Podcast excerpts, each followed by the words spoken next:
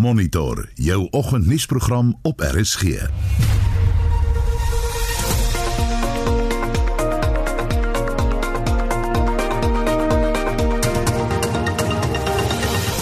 In Monitor om 10 oor 7 praat ons breedvoerig met twee onderwyskenners oor die laer matriekslaagsyfer. 'n Slimkop wat eksamen in 'n hospitaalbed skryf kry 6 A's en ons praat net na 08:30 met hom en ander toppresteerders.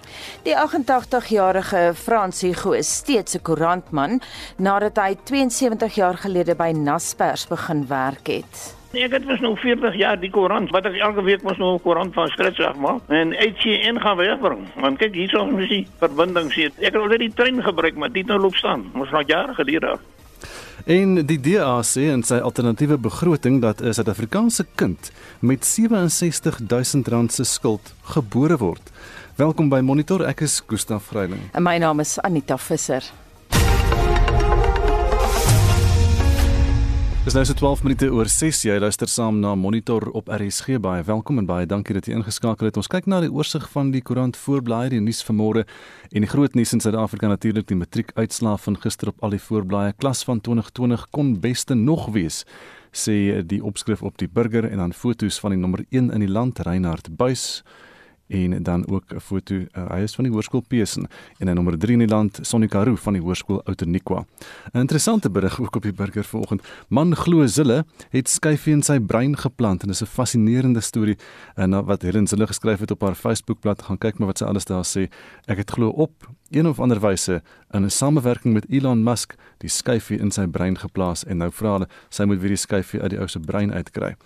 Nog 'n interessante berig in die burger: Semeeu vlieg weg met man se tong na vrou dit afbyt. Ek wil nie eers weet wat daar gebeur het nie. Beeld vandag ook matrieks. Ons is trots sê Angie matriekslaagsyfer 76,2%, maar sy is spyt dat 80% nie gehaal is nie en al die matriek staan ook die foto's daar op die beeld se voorblad vandag. Nog 'n berig sê sluit Jay-Z vir 2 jaar toe vra Zondo. En is die ander nuus van die dag gister wat sou al verdwyn het na die matriek uh, die uh, kommissie regter Zondo wat wil hê uh, Jacob Zuma moet 2 jaar tronk toe gaan. Volksblad ook die matriek VS Vrystaat weer nommer 1 En dan kyk ons na internasionale nuus bbc.com in Amerika word die mense onthou wat gesterf het. Dit is dan 500 000 mense wat reeds aan COVID-19 gesterf het in Amerika. Resist becoming numb to the sorrow en is Joe Biden wat so sê. Ook NASA wat baie dramatiese beeldmateriaal vrystel van van die landing daar op Mars. En dis net so vinnige oorsig oor vanoggend se nuus. 'n Gefrustreerde luisteraar het monitor gebel om te kla oor 'n polis wat sy eenvoudig nie beëindig kan kry nie. En ons luisteraars vrae is hierop geskoei vanoggend Marlenae. Ja, net dan later in die program kan jy na die volledige klagte luister. Intussen is hier 'n kort voorsmaakie sedertdien sukkel ek om die kontak gekanselleer. Ek ek het dit al skriftelik gedoen, ek het dit al telefonies gedoen en elke maand gaan daar geld af. En die mense hou nie op om my te bel nie. Dit kom vir my neer op tydstering. Jy kry 'n oproep dan decline jy dit dan 'n minuut later dan bel 'n ander persoon. Ja, dan wil hulle presies dieselfde ding weet. En soos ek sê, ek het nog nooit vir enige bevestiging van customer care gekry dat my kontak gekanselleer is nie. Anita, die punt is nie net die geld nie. Die geld, ons praat nou nie van die career miljoene nie. Dit is die tyd in die frustrasie. Nou ons wil vanoggend by jou weet, het jy al so eindeloos gesukkel om 'n kontrak met 'n maatskappy te beëindig? Want ons mag nie handelsname op die lug noem nie, maar laat weet ons, ons wonder ook wie sukkel met ongewenste oproepe van maatskappye wat hulle dag en nag bel om watter rede ook al. So deel jou mening met ons. Voel jy ook so gefrustreerd? Kan 'n SMS stuur na 45889 teen R1.50 SMS. Kan ook saamgesels op ons Monitor en Spectrum Facebookblad en ook ons WhatsApp stuur na 076 536 6961. Dis 076 536 6961. Bly ingeskakel as jy soortgelyke frustrasies ervaar. Tussen 07:30 en 7:00 kan jy na die volledige onderhoud met Lenet Retief luister, waarna monitor self ook kers opsteek by 'n regskenner oor wat die wet bepaal in terme van kontrakte. As jy self spesifieke vrae het oor hoe om 'n kontrak te beëindig, kan jy dit ook aan ons stuur en 'n uh, WhatsApp daai stemnota weer 076 Terug na die hoofnuus van die oggend, die minister van basiese onderwys, Angie Motshekga, sê hoewel die nasionale slaagsyfer vir die klas van 2020 met 5% gedaal het, is hy steeds tevrede. Die slaagsyfer vir die matrieks van 2020 is 76,2%. Motshekga het die slaagsyfer in Pretoria bekend gemaak en Lila Magnus het meer. Die minister van basiese onderwys, Angie Motshekga, sê sy is trots op die klas van 2020 sowel as die onderwysers. As much as we had a drop, I'm really grateful to all South Africans for having helped us because in essence I was expecting a bloodbath.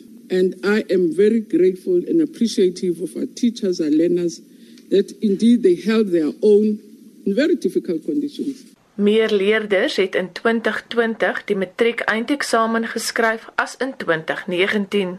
In terms of bachelors, this year we are at 36.4 compared to 36.9 in 2019. So the difference is 0.4% in terms of the bachelor passes. 0.5 or 0.5 years. So we want to say 1,777, 435 distinctions we had this year, which is an increase of 13.1% from the distinctions that we had achieved in 2019.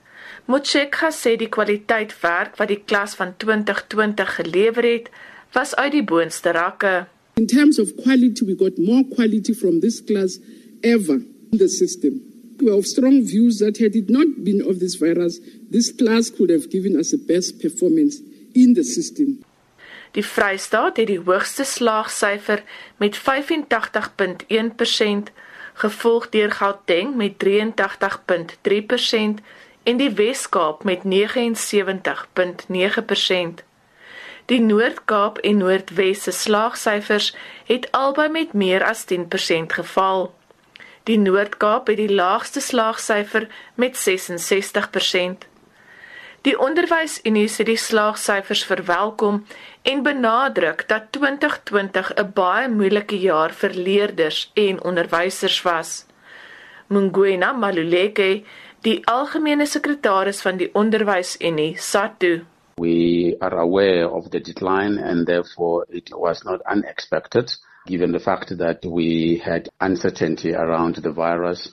We had uh, a lockdown which has uh, affected a number of learners who did not have additional resources for them to be able to learn from home. So clearly they were going to be lagging behind. However, we want to appreciate the fact that finally they were able to write and we congratulate them. Die uitvoerende beampte van die Suid-Afrikaanse Onderwysunie, Chris Klopper, sê hulle is bekommerd oor die afname van die getal leerders wat vakke neem wat vir hul studiedeure kan oopmaak en toegang tot die werksmag kan gee.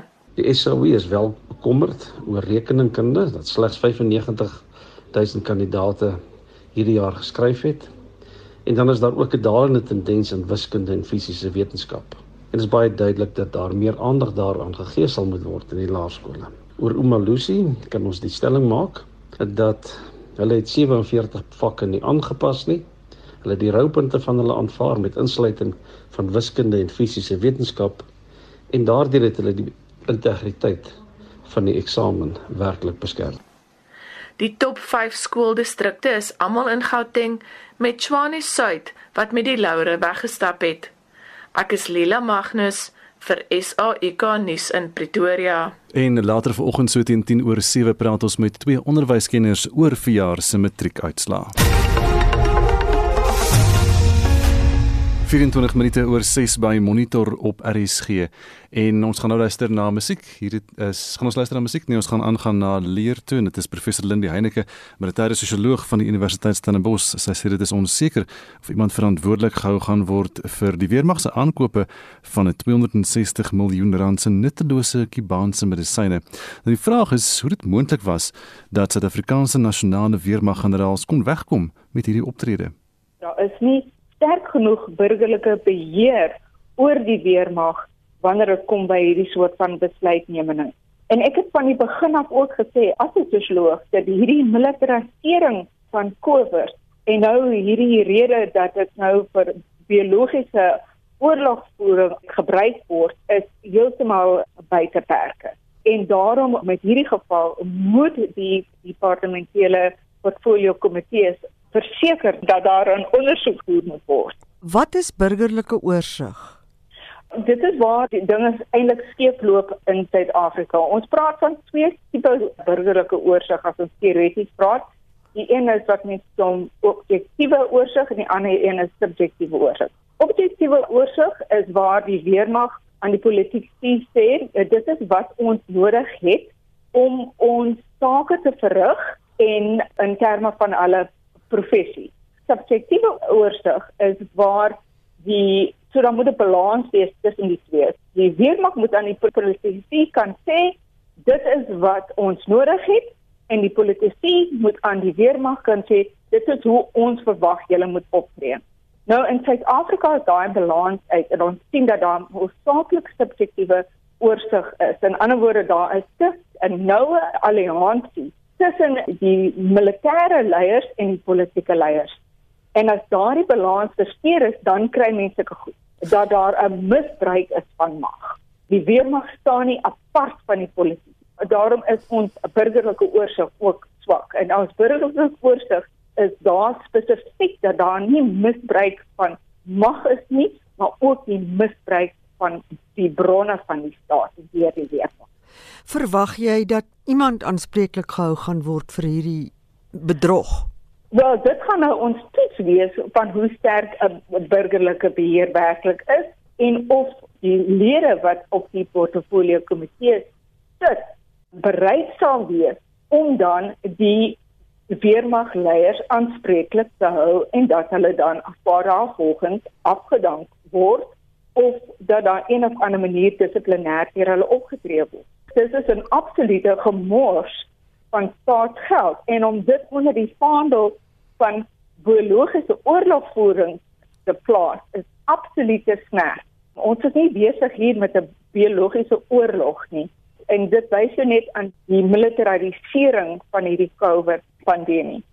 Die Suid-Afrikaanse Nasionale Weermag Unie se woordvoerder Pikkie Greef het gesê dat daar is geweldig baie sake transaksies tussen die weermag en die kibane die afgelope tyd wat nie baie kosher lyk nie. Is jy bewus van dit? Ja, ons ek, is verseker ons is uh, bewus daarvan en dit kom ook met die onstandhouding met die militêre voertuie te sprake waar ons kibane invoer om ons voertuie reg te maak wat baie goedkoper kan. Want ons het die vaardighede in die land. Hoekom moet mense kibane in om hierdie soort van onderhoud te doen op voertuie wat hulle nie eers meer bekend is nie. So ja, en dit gaan weer terug na die geskiedenis natuurlik. Wanneer Kubane en die ANC het geveg teen die Suid-Afrikaanse weermag. So daar is daardie skakeling daar. En dit is glad nie aanvaarbaar wat ons hier vir ons sien nie. Het iemand al opgetree ten opsigte van hierdie ongeruimthede? Niemand getree op hierdie stadium teen dit op nie en dit is die probleem omdat die weermag nou so gepolitiseer is, is dit 'n geval van wat ons in Engels noem servitude, waar jy maar heeltemal onderdanig. So die mense praat nie uit oor hierdie soort van goed. Dit gebeur net en niemand word daarvoor aanspreeklik gehou nie. En baie mense is krities teenoor die weermag Want ten minste is die weermag vakbonde een van daardie kan ons sê burgerlike instansies wat dan 'n uitspraak hier oor hierdie soort van goed Maar, maar wat is die punt daarvan as 'n uitsprake is en dan gebeur niks? Dit gaan nou interessant wees hoe hierdie saak gaan draai in terme van die regsprosedures. Of dit iets is wat die militêre ombudsman ondersoek gaan of dit nou 'n burgerlike hof gaan toe gaan gaan of gaan dit deur die weermagte regstelsel aangespreek word. Dit gaan 'n baie interessante storie wees. Professor Lindy Heineken is die hoof van sosiale antropologie aan die Universiteit Stellenbosch en sy het met Mitsi van der Merwe gepraat. Jy luister na Monitor elke weekoggend tussen 6 en 8.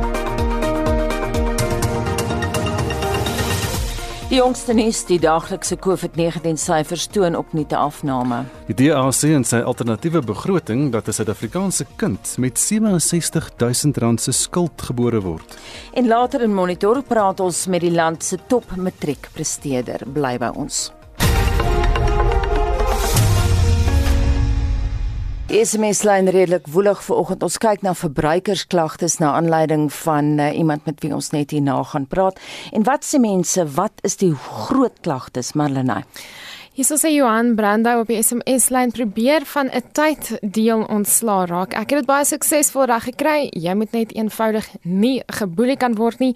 Ken jou regte in terme van die verbruikerswet. Ehm um, hy het op Facebook dit gesê nie op die SMS lyn en dan laat weet Bets Ferreira Deesdae sukkel jy feitelik om enige instansies te kanselleer, maar Telkom kry die eerste prys. Ons noem dit want ons verskeie mense wat kla oor Telkom vanoggend. Sy sê ons het 'n jaar gesukkel om ons rekening te sluit nadat ons aftree oor te getrek het. Dit het vele oproepe, e-posse en geduld gekos en natuurlik wil hulle hê jy moet aanhou betaal. Gelukkig het ek elke dokument gehou. Ek kon bewys wanneer ons gekanselleer het en die erkenning van ons kennis gee. Daar is selfs 'n groep op Facebook van mense wat hiermee probleme het. SMS lyn gons ook oor Telkom Christa skryf: Ek verstaan hierdie vrou se frustrasie. Indien jy wil sukkel, probeer 'n Telkom rekening sluit. O my aarde dis nag. Dan moet jy nog 'n ekstra bedrag as boete betaal omdat jy dit gewaag het om jou rekening te beëindig. En dan sê nog iemand: Telkom diens is pateties. Beëindig eenvoudig geen kontrak nie. Gebruik onregmatige debietorders. Moes bankrekening verander om die diefstal te stop word nou deur invorderaars getuister. Dan laat weet Martie sy sy sê praat van kontrak beëindig daar is ook as 'n mens gimnasium het. As jy daar by hulle betrokke is hulle het vir maande nog geld uit my bankrekening getrek dat ek my bankrekening moes toemaak nadat ek getrek het en te ver was om by die gym uit te kom. En so stroom die klagtes in. Jy is welkom om vir ons te laat weet waarmee jy sukkel. Um, jy kan ook vir ons vra stuur want ons praat later met iemand wat 'n bietjie regs advies gaan gee. So, maak dit net vir my 'n bietjie makliker en maak jou eerste woord daar vraag dat hmm. ek net weet om dit vir Anita te gee. Jy kan jou mening met ons deel met 'n SMS 45891 R50 kan saam praat op Monitor en Spectrum se Facebookblad of jy kan vir ons 'n stemnota stuur by 0765366961. En daai persoon met wie ons praat is professor Birgitte Kuske bly ingeskakel vir daardie onderhoud.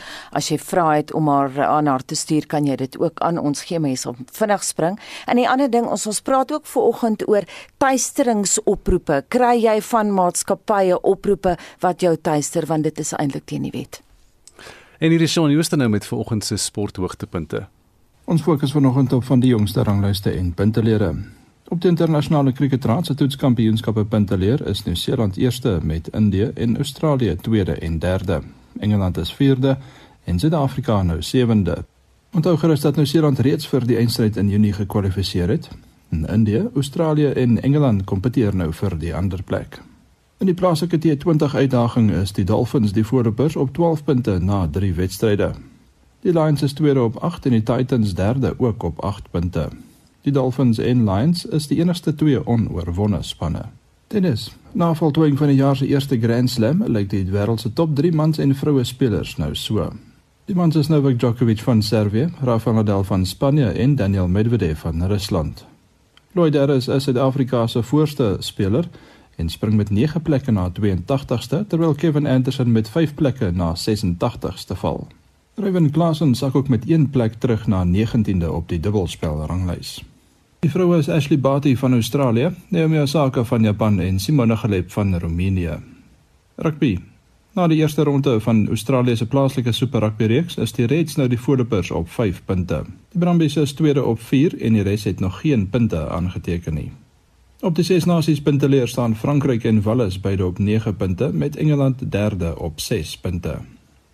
Sokker. Die top 4 span op die DStv Premier Liga punteleer is Mamelodi Sundowns op 36, SuperSport United op 32, Morocco Swallows op 30 en Golden Arrows op 28 punte. In Engeland is Manchester City gemaklik voor op 59 punte. Manchester United en Leicester City is tweede en derde op 49 punte elk. En West Ham United is nou vierde op 45 punte. In Spanje bly Atletico Madrid op 55 punte die voorlopers en word gevolg deur Real Madrid op 52 en Barcelona op 47 punte. In Italië is Inter Milan op 53, AC Milan op 49 en Juventus op 45 punte, eerste, tweede en derde. Die top 3 in Duitsland is Bayern München op 49, RB Leipzig op 47 en Wolfsburg op 44 punte. En in Frankryk bekleë Lille op 58, Lyon op 55 en PSG op 54 punte die top 3 plekke. Golf. Daar is geen verandering onder die wêreld se top 3 manspelers nie. Hulle is Dustin Johnson van Amerika, Gondram van Spanje en Justin Thomas ook van Amerika. Suid-Afrika se Louis Oosthuizen bly 26ste, Christian Besaidnout 36ste en Erik van Rooyen val met 3 plekke na 63ste. Verlede week se top 3 vroue spelers, Jin Young Ko, Sayang Kim en Inbi Park van Suid-Korea bly ook onveranderd. Suid-Afrika se Ashley Buy is 70ste. In laastens in fietsrynies, Tadej Pogačar van Slovenië is die voorloper in die toer van die Verenigde Arabiese Emirate na twee skofte. Joel Mida van Portugal is tweede met die Aussie Chris Harper derde. Suid-Afrika se Stefan de Bot spring na 26ste en Louis Mentjes val na 85ste. Shaun Schuster, SAK Sport. 21 minute voor 7 by Monitor na luisteraar, die skrywer, joernalis en reklamedeskundige Lenet Retief het Monitor gekontak om te kla oor 'n kontrak wat sy eenvoudig nie gekanselleer kry nie. Nou ons het gedink ander luisteraars kan dalk dieselfde ervaring hê en besluit om haar frustrasie aan die groot klok te hang, maar oordeel maar self. Anita, ek het in November 2017 net ek 'n Reno Captor gekoop. King Prices my aanbeveel en ek het toe nou 'n polis by hulle uitgeneem. En een van hulle voorwaardes was dat ek 'n kaart eenheid laat installeer en ek moes toe nou 'n jaar kontrak teken van omtrent R120 per maand.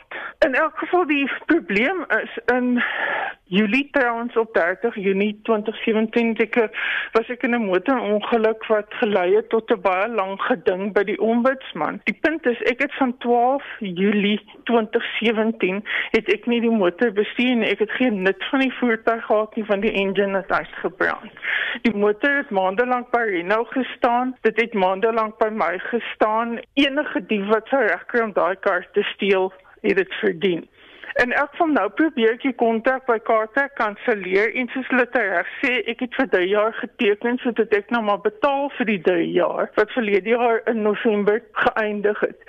Sedertdien sukkel ek om die kontak gekanselleer te kry. Ek het dit al skriftelik gedoen, ek het dit al telefonies gedoen en elke maand gaan daar geld af. En die mense hou nie op om my te bel nie. Dit kom vir my neer op tystering. En as ek begin kyk Ek het nou Truecaller op my foon gesit en as 'n mens kyk, is daar duisende. Ek kan nie vir jou spesifieke nommer gee nie, maar dit is duisende wat CarTag ervaar as spam. Ek het ten einde raad het ek hulle customer care afdeling gebel. Dit 'n persoon gesê sy sou met iemand gaan praat of met iemand in legal en vir my e-pos stuur. Ek wag nou nog vir die e-pos en Ek word nog altyd getuiste deur oproepe wat intussen gebeur omdat hulle aangaan om die geld af te teken het ek die debietorder gekanselleer. Die probleem dink ek met Kaartek is die linkerhand weet nie wat die regter moet doen nie. Jy kry 'n oproep dan decline jy dit dan 'n minuut later dan wel 'n ander persoon. Ja, dan wil hulle presies dieselfde ding weet. En soos ek sê, ek het nog nooit vir enige bevestiging van customer care gekry dat my kontrak gekanselleer is nie. Anita, die punt is nie net die geld nie. Die geld, ons praat nou nie van die career miljoene nie. Dit is die tyd in die frustrasie. Die skrywer, joernalis en reklamedeskundige Lenet Retief en Monitor het Kaartrek gister genader vir kommentaar en die media woordvoerder het beloof om ondersoek in te stel, maar was nie verder beskikbaar vir nog kommentaar nie. En ons bly by die storie en praat nou met professor Birgitte Kuske, direkteur by die eenheid vir versekeringsreg aan die Universiteit van Pretoria. Sy is mede-professor by die IP vir 30 jaar en sy is 'n praktiserende prokureur. Goeiemôre. Goeiemôre Anita. Birgitte, jy het nou na Lenet se frustrasie geluister. Wat is jou eerste kommentaar? Nee, ons is almal net so gefrustreerd Anita. So in daai konteks, ehm um, kan ek daarin vir die uh, luisteraars 'n bietjie meer inligting gee. Daar is twee uh, stukke wetgewing, twee wette wat van toepassing is in hierdie spesifieke geval wat 'n mens moet gebruik om juis hierdie praktyke van direkte bemarking um, op tye nou te staak. Ehm um, dis die een saak wat die wat die luisteraar aangeroer het. Die ander een natuurlik is die feit dat sy nie haar haar ehm um, satelliet uh, gebruik het in die tyd wat die motor stilend is nie. So kom ons praat nou eers oor die eerste ene. Ehm um, die wet op verbruikersbeskerming is 'n baie ehm um, ekstensiewe uitbreedvoerige stuk wetgewing wat ingevoer is in ons land vanaf 2011 en dit is die wet wat bepaal dat vaste termyn kontrakte soos byvoorbeeld um, gimnasium um, kontrakte, selfoonkontrakte en dies meer mag nie 24 maande oorskry nie. Hmm. Dit is in die eerste plek 'n belangrike punt dat die wetgewing bepaal in terme van artikel 14 dat vaste termynkontrakte soos hierdie van die van die set trekker wat sy het mag nie 24 maande oorskry nie. Dan verder is dit juis 'n baie goeie aspek van hierdie wet wat bepaal dat ehm um, die verbruiker mag met 20 besigheidsdae kennis gee, dit moet op skrift gedoen word om die vaste termynkontrak te beëindig. So daar is te alle tye in daai vaste termyn 'n geleentheid vir 'n verbruiker om 20 besigheidsdae kennis op skrif te gee. En dan sou ek vir die luisteraar aanbeveel om dan natuurlik te staak.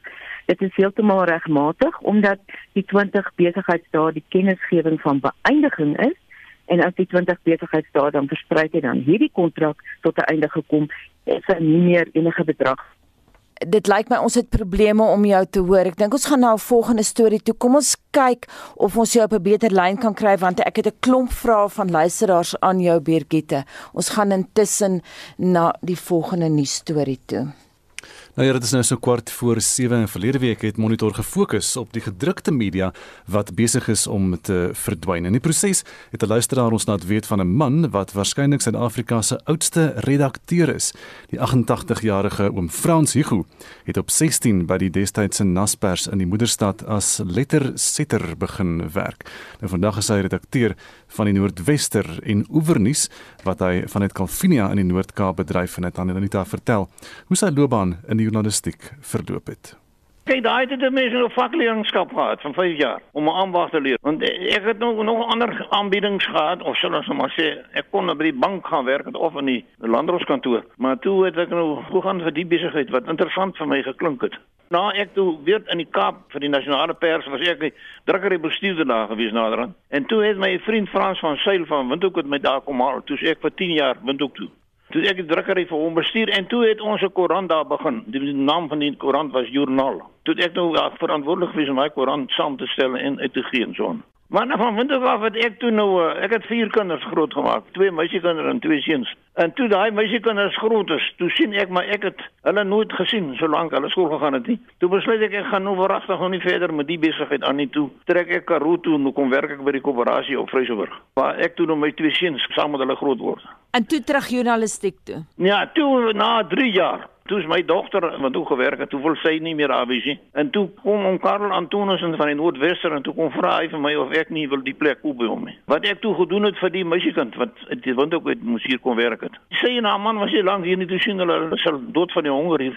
Toe moes ek maar self die plek omvat in 1980. So die koerant se amptelike naam is die Noordwester en Oevernuus, maar julle praat almal sommer net van die Noordwester, né? Nee? Ja, man, ek ben ek het mos nou 40 jaar die koerant wat ek elke week mos nou 'n koerant van skryf maak en ICN gaan wegbring. Want kyk hier is ons die verbinding sien. Ek het al die trein gebruik, maar dit nou loop staan. Ons nog jare gelede. So nou moet ek myself ry as ek goed wil daar hê. En het oom die foto's ook geneem? Ja, ek neem mos nou maar die foto's, maar ons het mos nou al die foto's met film geneem, maar dis is mos nou Want toen moest je nog in die donkerte sukkel om je goed te ontwikkelen. Maar nu is het ons die digitale bezigheid. Het was nu grap geworden. Je stuurt het net met het internet en dan heb je die foto. Maar kijk, ons het ons nou, druk ons nou zelf ons eigen koerant hier zo. So, ons kan niet, ons maken die dingen, dan stuurt ons het kaap toe om te laten drukken of zo. Nee, ons doen het zelf. Wat er stories oor die jare was vir om die lekkerste om te doen? Man, ek is mos nou 'n boer dat hy agtergrond gevolglik hou ek baie meer van nuus oor plase en dan die skole natuurlik. Kyk, die skole is nou baie belangrik.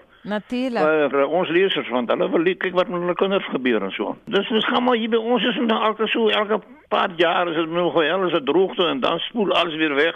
Soos mos nou op die oomblik gebeur. Maar ons het nog hierin gehad, maar dit is ons vernaamste stories is natuurlik Ons konsentreer daarop om uh, die kinders van ons wat goed doen. Ons volg hulle loopbane en hulle mense laat weet vir ons hulle presteer en so aan. As byvoorbeeld nou van ons jong brein seuns wat nou Tiba toe is om vir 'n dokter te leer en so aan. Daai soort ding is vir ons belangrik. En as oom nou terugdink na 1980 toe, watter stories staan bo al die ander uit? Maar dit was ons daai Lensburg affære was mos mm -hmm. nou geweldige moles geweest en dit is van daai begintyd was dit Was nou maar die ding met alles oor die toneel oorheers as ons maar sê. Ja, dit was Januarie 81. Ja. En dan onthou ek by ons was in, in 2000 was hier ook 'n vreeslike vloed, die hele wêreld onder water gewees. En dit het ook nou nou maar 'n groot nuus storie gewees. Maar uh, die weet die nuus is nie so by ons nou nie heeltemal 'n ander storie as wat dit nou nasionaal is byvoorbeeld. Ons kan ons nou nie op daai goed ingaan nie. Ons praat met vir ons eie mense wat hulle doen. En enige interessante onderhoude wat jy gele gevoer het oor die jare? Ag man, die vrou met oefers. Kyk, ek het nou die dag van o, uh, Johan van Wyk hier gehad. Jy ken hom as van Stop van myne van die Volksblad. Mhm. Mm hy is 'n rubriekskrywer wat elke week skryf nog. Hy het nogal van my gekom sê dat hy was nogal beïndruk met die gehalte van die koerant. Dit is 'n professionele koerantjie wat ons uitgee. Maar ek meen hy hoogtepunte besigheid is maar moeilik vir 'n 88-jarige om te onthou wat dit alles was. Die afgelope COVID-affære is dit 'n stryd vir oorlewing geword. Ja nee, absoluut. En uh, jy het so wat 1500 lesers, né? Nee? Dis nou ja. van die koerant self. Want dit is koerante wat verkoop word, maar nou jy weet vir elke dorp is daar 'n oude huis, hulle koop net een koerant, al 50 van hulle lees die koerant. Ek dink ons kan sê ons het by 10000 mense wat die koerant lees. Ons het nog intekenare oor die hele Unie, die hele Republiek. Hoewel die poskantoor mos nou nie eintlik meer werk hier so. Daar kom baie hier 15 weke se koerante op een dag aan by ons lesers in die Kaap, sal ons maar sê. Maar kyk maar nie geroose affære is maar nog nie uh, hoogtepunte nie. Ons gaan maar net so aan. Droogte en oorvloede.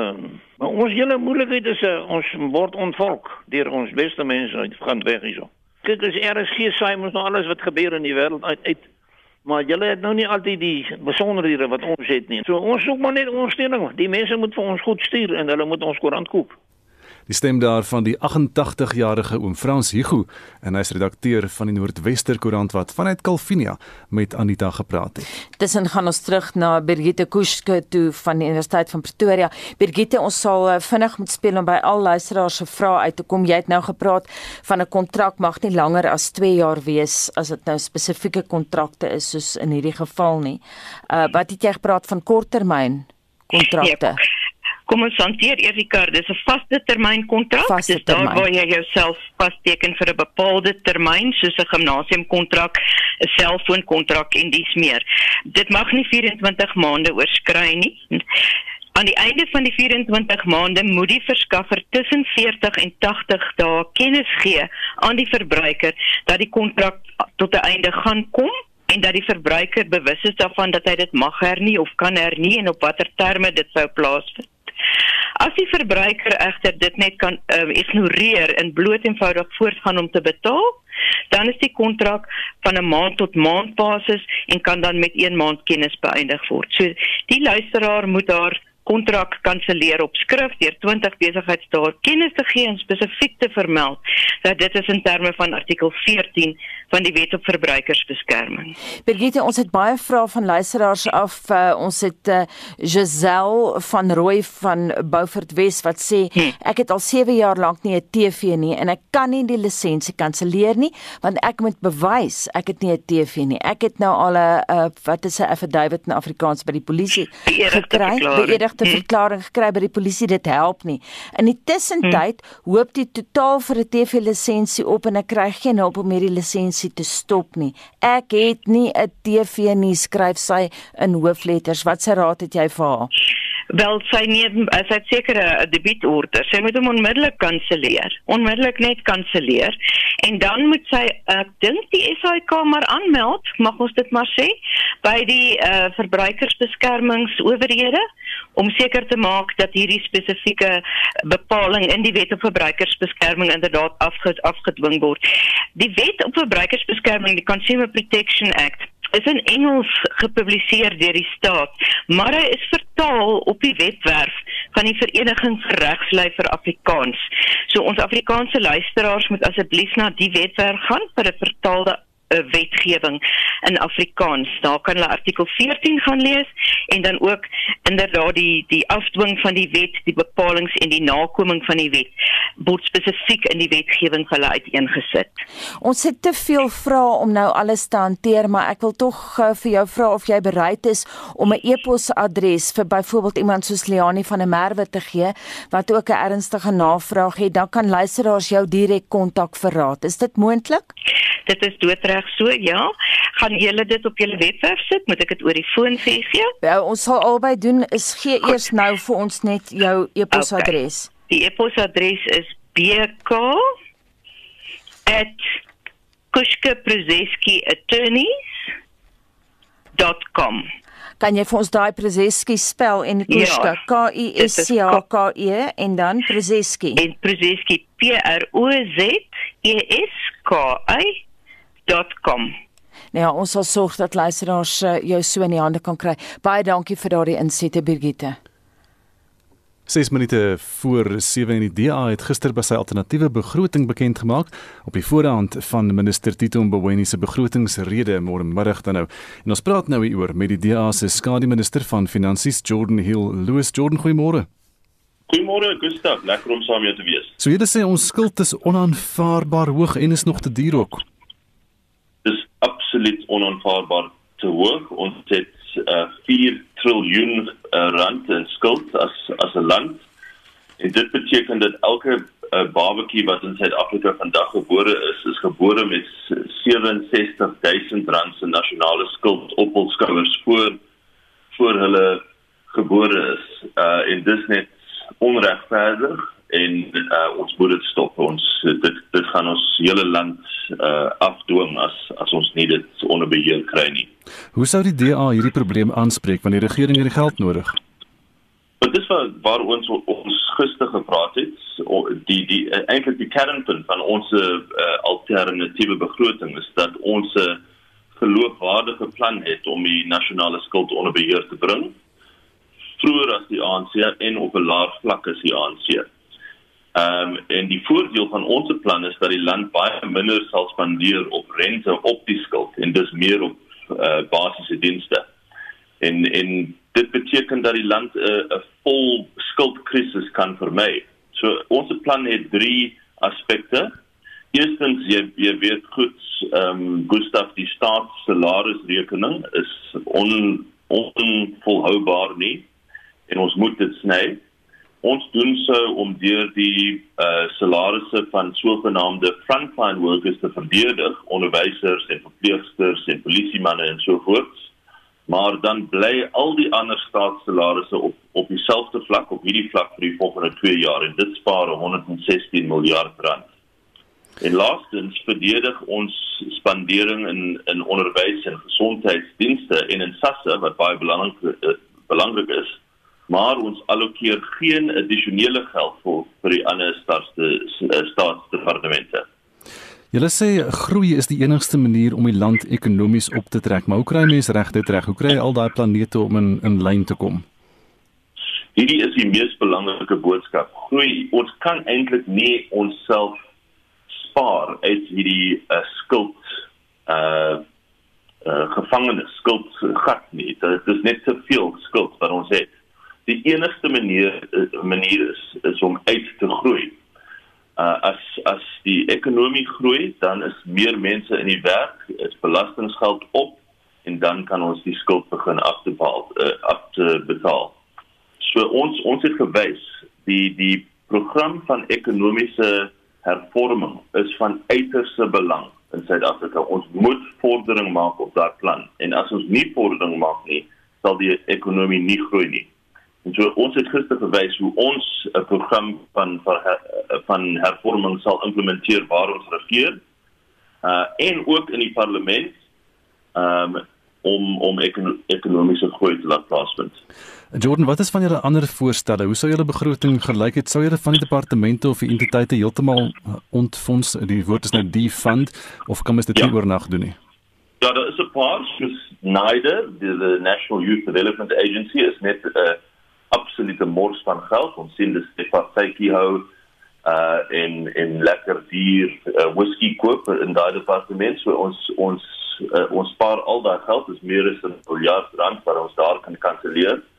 Um die departement van klein besigheid, um dis dit klink belangrik, maar maar al wat dit doen is eintlik maak uh, die lewe meer moeilik vir klein besighede. Ons ons ons sny daai hele departement. So as as ons fyn deurgaan deur die begroting kan ons eintlik 40 miljard rand spandeer net van geldmors op onnodige goed en onnodige programme en departemente. Maar ek moet sê vir jou Gustav, soos ek sê, die die skuld is nou so groot dat 40 miljard is nie selfs begin uh, groot genoeg 'n uh, sparing uh, om om om dit om te draai nie. Ons moet groot groot uh uh snyends maak in die salaris uh, rekening en soos ek sê uh sogenaamde spending freeze in elke departement behalwe die belangrike sekse in uh on, onderwys en gesondheid. Jornet kortliks laastens in 30 sekondes is daar genoeg geld in Suid-Afrika? Is daar genoeg belasting wat inkom? Gaan dit net oor hoe dit spandeer word? Ja, dis 'n belangrike vraag. Dankie. Daar is genoeg geld. Dis dit gaan oor hoe dit uh, prioritiseer word. Dit gaan op is is 'n is kom en al daai goed en nie op belangrike goed nie. En laastens wil ek net sê ons kan nie meer belastings of hoë belastings eh, bekostig nie. Ons ons aandring dat die minister nie enige belastingkoerse verhoog nie. Suid-Afrikaanse families het 'n baie moeilike jaar deurgemaak en kan dit nie bekostig om meer van hulle se hardverdiende inkomste vir die regering weg te gee nie. Baie dankie die DA se skademinister van finansies Jordan Hill Lewis en RSG saai die begrotingstoespraak regstreeks uit dis môre middag en ekonome gaan dit dan ontleed. Intussen is dit nou 7 uur en nuustyd. SAK nuus. Onafhanklik, onpartydig.